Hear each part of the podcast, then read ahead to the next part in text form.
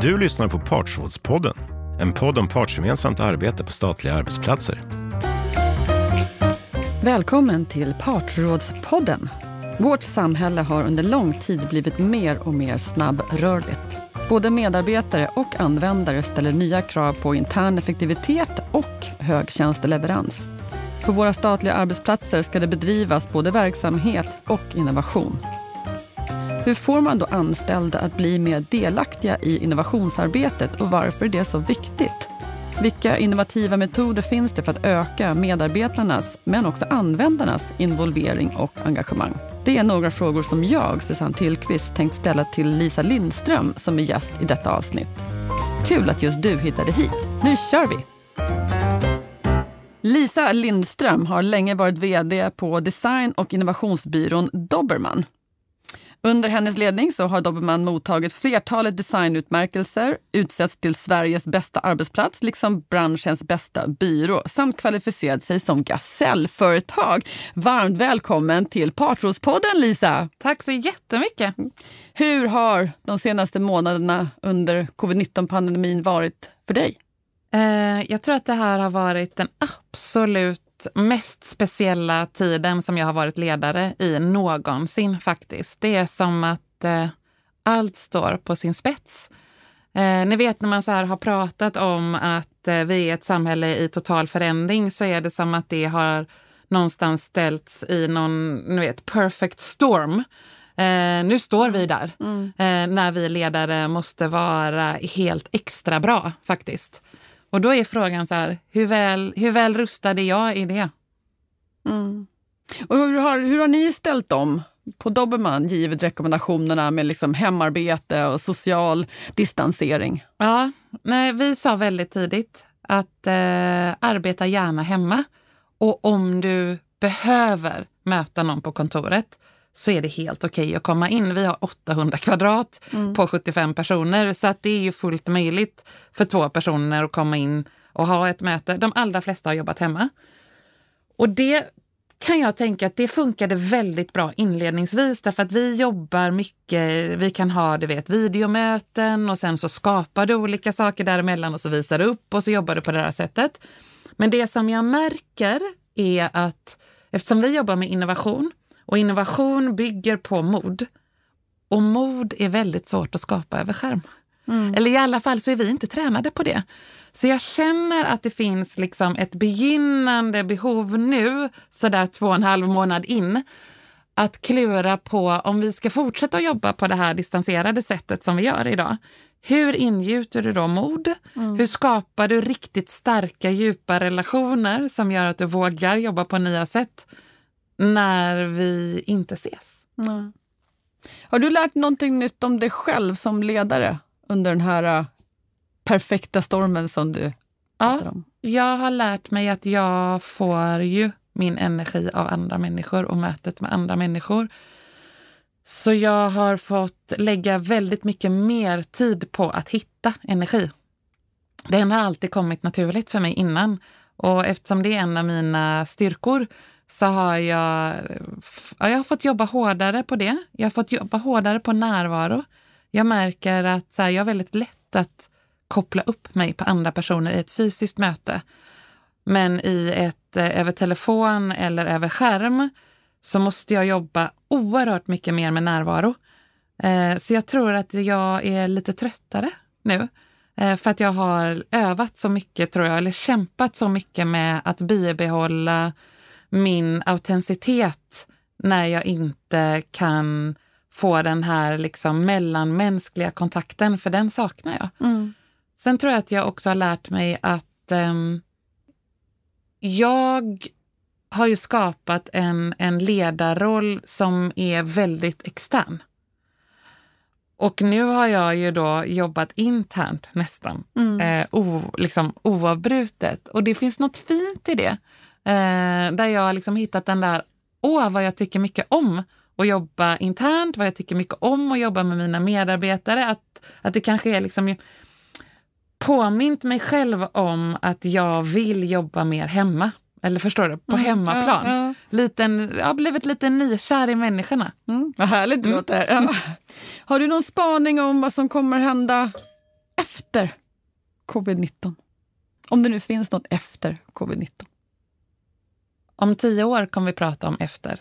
Mm. Eh, men nu är vi ju mitt i. Eh, jag tror att eh, väldigt många stora frågor är helt naturligt att prata om nu. Och det är väldigt hälsosamt. Eh, så istället för att vi eh, pratar och pratar och pratar om digitalisering och pratar och pratar och pratar om nya arbetssätt och pratar och pratar och pratar om att det är ohållbart, Eh, det samhället som vi har skapat, så kommer vi nu agera. Eh, för är det någonting vi har sett eh, så är det ju faktiskt antingen kraften i snabbt agerande eller vår frustration över att det inte har agerats i vissa delar av samhället. Och det där, eh, jag är helt säker på att vi kommer fortsätta agera. Eh, jag är helt säker på, eller så här, jag tror ju att man skapar sin egen framtid. Mm. Jag tror ju inte att jag kan sitta här och spåna på vilken framtid som andra kommer och eller vilken trend som kommer att hända, utan jag ser ju mig själv som ytterst ansvarig för att se till att skapa den framtiden som jag vill ska hända. Och eftersom jag vill att vi ska fortsätta agera, jag vill att vi ska fortsätta stärka eh, nya arbetssätt, så tänker jag, låt oss se till att vi i det samhälle vi lever i idag fortsätter agera precis som vi gör nu. Mm. Du brukar ju säga så att många organisationer, inte minst kanske offentlig sektor, mitt tillägg, eh, är fast i linjära processer eh, och som inte fungerar liksom, i dagens snabbrörliga värld. Eh, Mm. Kan du förklara, vad menar du med linjära processer?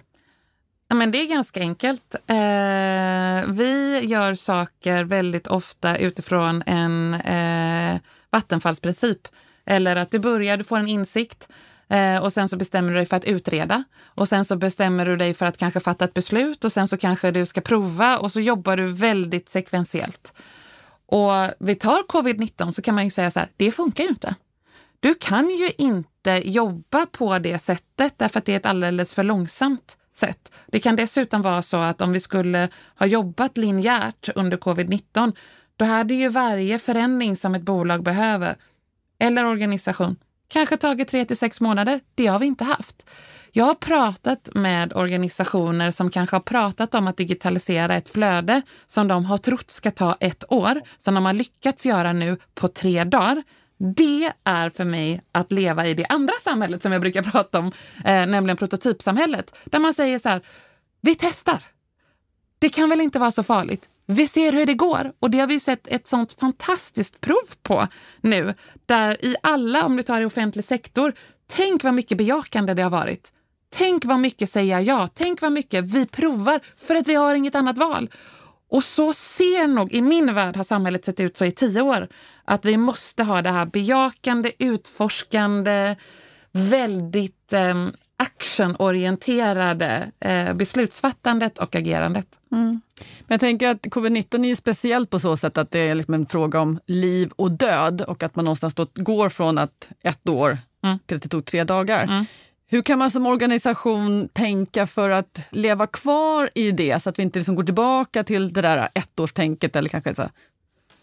Ja, men speciellt inom offentlig sektor så tror jag att det kanske inte är hälsosamt att säga så här, vi ska alltid leva i tre dagars beslutsfattandet, därför att det finns ju någonting väldigt gott i ett offentligt sammanhang som är rättssäkert för alla, medarbe- eller för alla medborgare.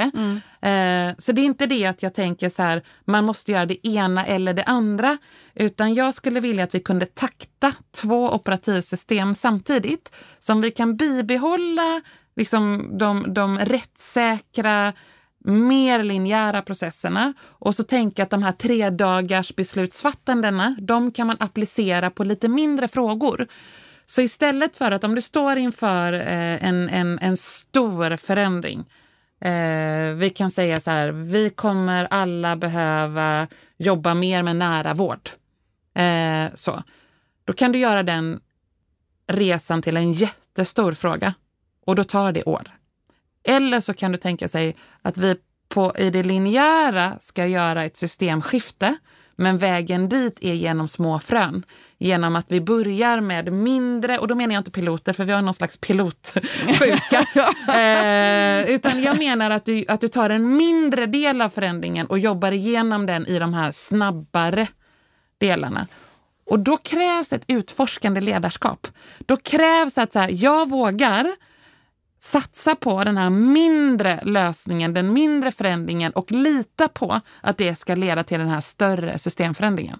Mm. Sen brukar ju du eh, prata mycket om, jag skulle nästan vilja säga att du vurmar för det här med liksom personalens delaktighet och deras engagemang som, som en framgångsfaktor mm. för att få till innovation och utveckling. Kan mm. du Utveckla det. Ja, eh, jag är helt säker på att vi i alla organisationer har så mycket outnyttjad kapacitet i varje människa och att vi har organiserat bort den. Mm. Så det är inte det att människor varken har oförmåga eller eh, inte eh, besitter innovationskraft, utan det handlar ju om att vi har tyvärr då byggt upp strukturer som hindrar dem att komma fram. Så om man vill få ut hela kraften i sin organisation, då tänker jag att man ska försöka lita på att medarbetare kan fatta ganska många egna beslut. Eh, du vet, tillbaka till det här med sunt förnuft. Mm. Att jag fattar ett beslut utifrån att jag ser att det här, jag vet ungefär vad våra mål är. Jag vet ungefär vad dramarna är. Det ger mig frihet att kunna fatta den här typen av beslut själv eller min lilla avdelning kan göra det. Och om vi då har en tillitskultur i våra organisationer som säger så här, prova. Och om det går fel så ska jag som ledare stötta dig till att korrigera. Inte om det går fel så får du bannor, utan att vi har ett mer, att vi som ledare blir mer guider, coacher eh, och att medarbetarna kan göra mycket mer av drivet själva. Då får vi ut en fantastisk kraft Dessutom är det ju så att alla våra medarbetare är oftast närmare både liksom kund och brukare än vad, vad, vad vi ledare är. Mm. Så att de sitter ju närmare svaren. De sitter ju närmare. Alltså jag, jag, kan tänka så här, du vet, går du in på en vårdcentral så finns det alltid en whiteboard där med små fiffiga lösningar. Alltid! Mm. Det är innovationskraft. Det är ju någon som har tänkt, tänk om jag gör så här och så skriver vi upp så det här. Det är liksom inte stora systemlösningar. Det vill jag få mer av. Mm. Men jag tänker om man sitter då i en, med linjära processer och man sitter i en organisation och som, ja, som då man känner sig lite fast i, så här, vad, är, vad är första steget? Liksom? Hur tar man sig ur det där? Vad är första steget? Ja, men man kan göra på tre sätt tror jag. Eh, om man vill ta bara ett Eh, ett litet, litet första steg, då skulle det vara att leda ett möte på ett nytt sätt.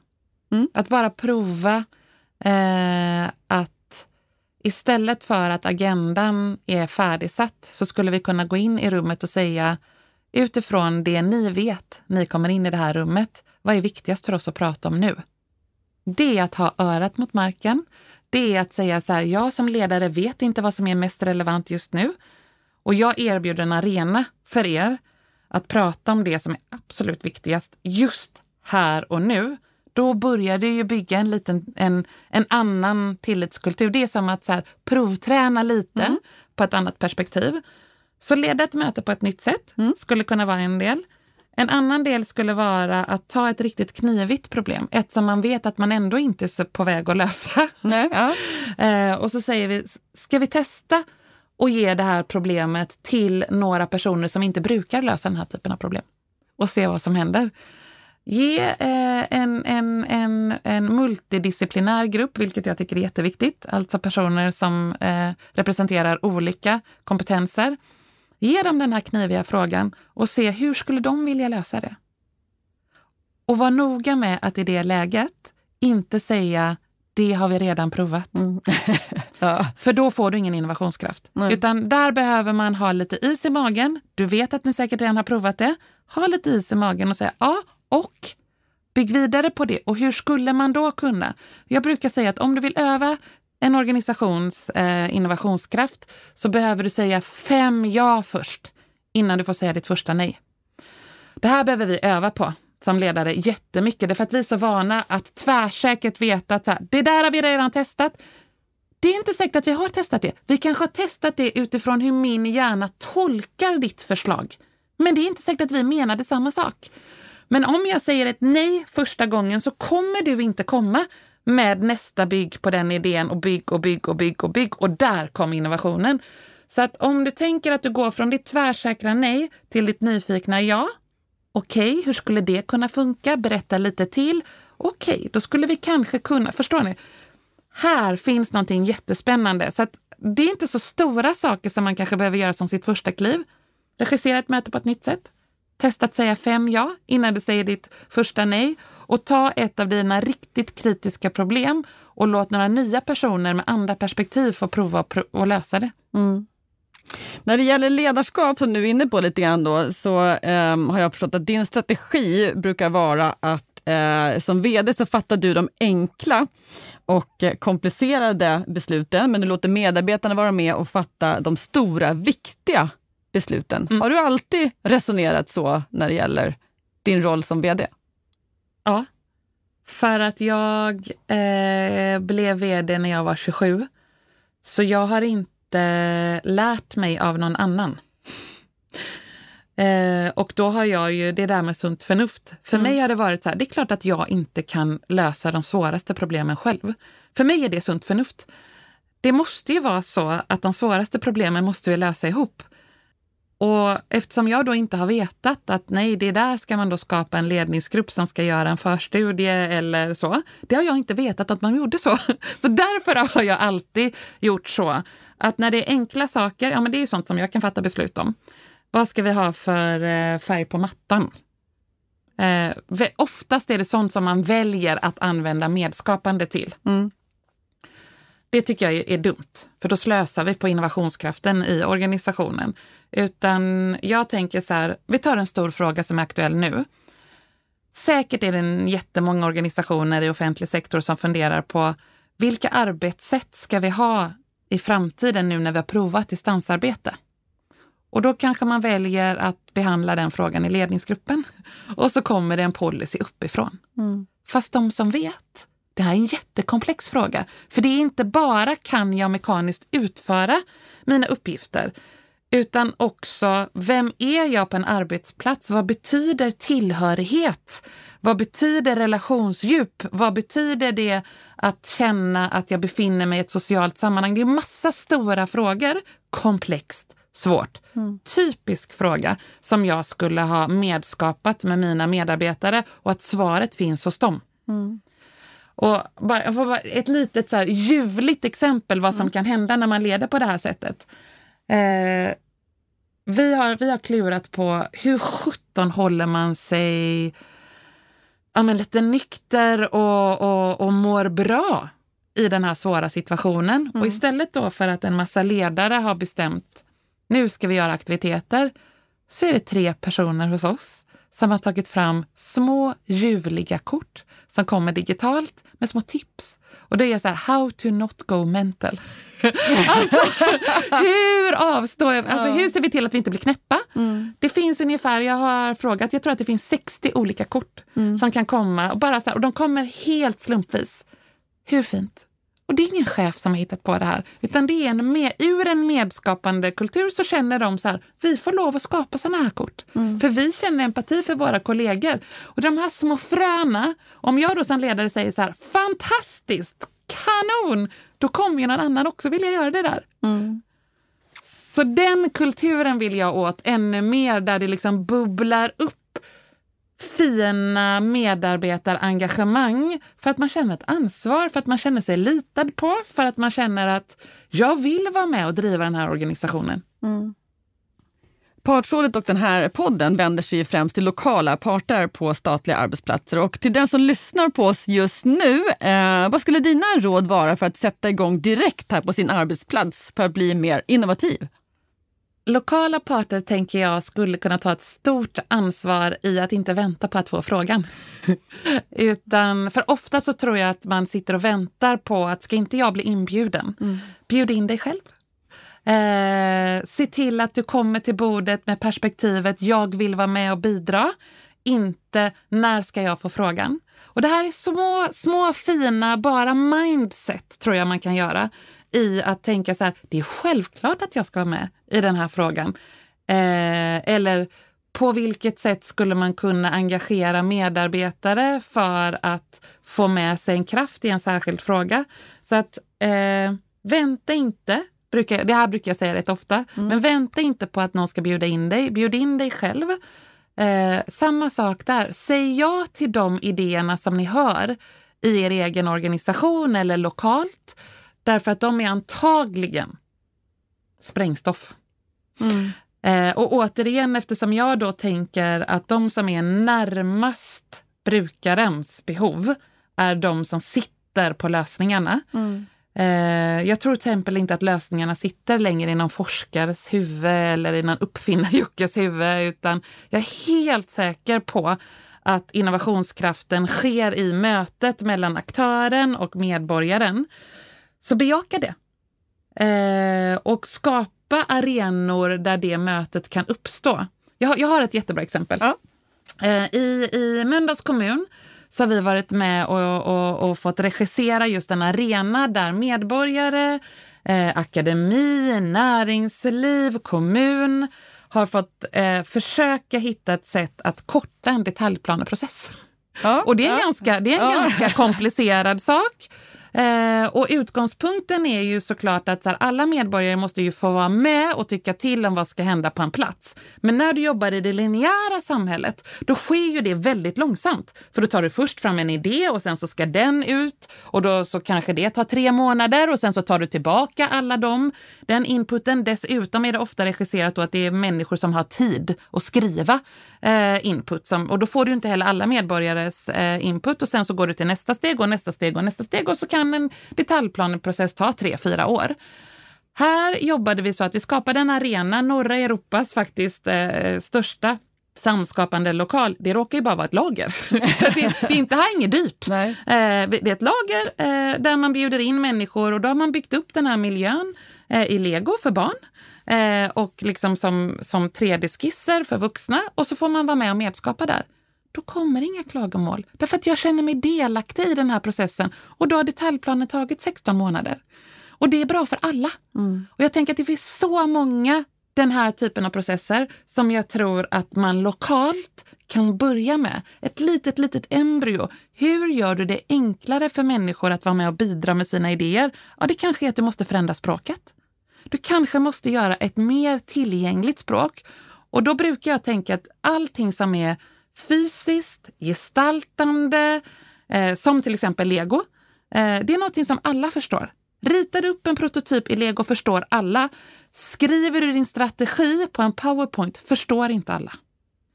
Mm. Och tittar vi nu på, jag tycker det har varit ganska intressant så här, hur vi har pratat om social distansering. Jättesvårt ord. Mm. Mm, det är ett exkluderande eller mening, begrepp. Otroligt exkluderande, tycker jag. Mm. Det funkar för vissa människor, funkar inte för alla.